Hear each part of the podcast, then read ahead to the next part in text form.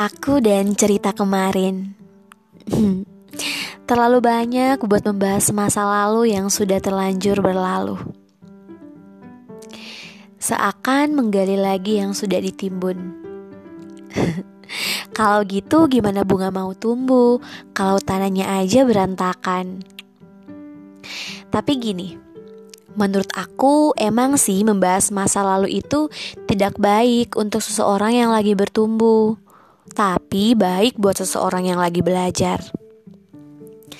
Ingat, bunga yang mekar tumbuh besar karena punya akar yang kuat. Maksudnya gimana tuh?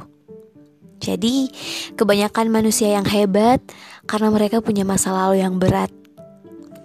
Bunga yang mekar dengan akar yang kuat, anggaplah akar itu adalah masa lalu kamu. Dan manusia yang belajar akan terus belajar dari masa lalunya dan kemudian menjadi pandai dan juara satu dalam kehidupan. Hmm, tapi manusia yang bertumbuh dia hanya akan terus bertumbuh, umurnya akan terus bertambah, tidak menghasilkan apa-apa dan kemudian mati.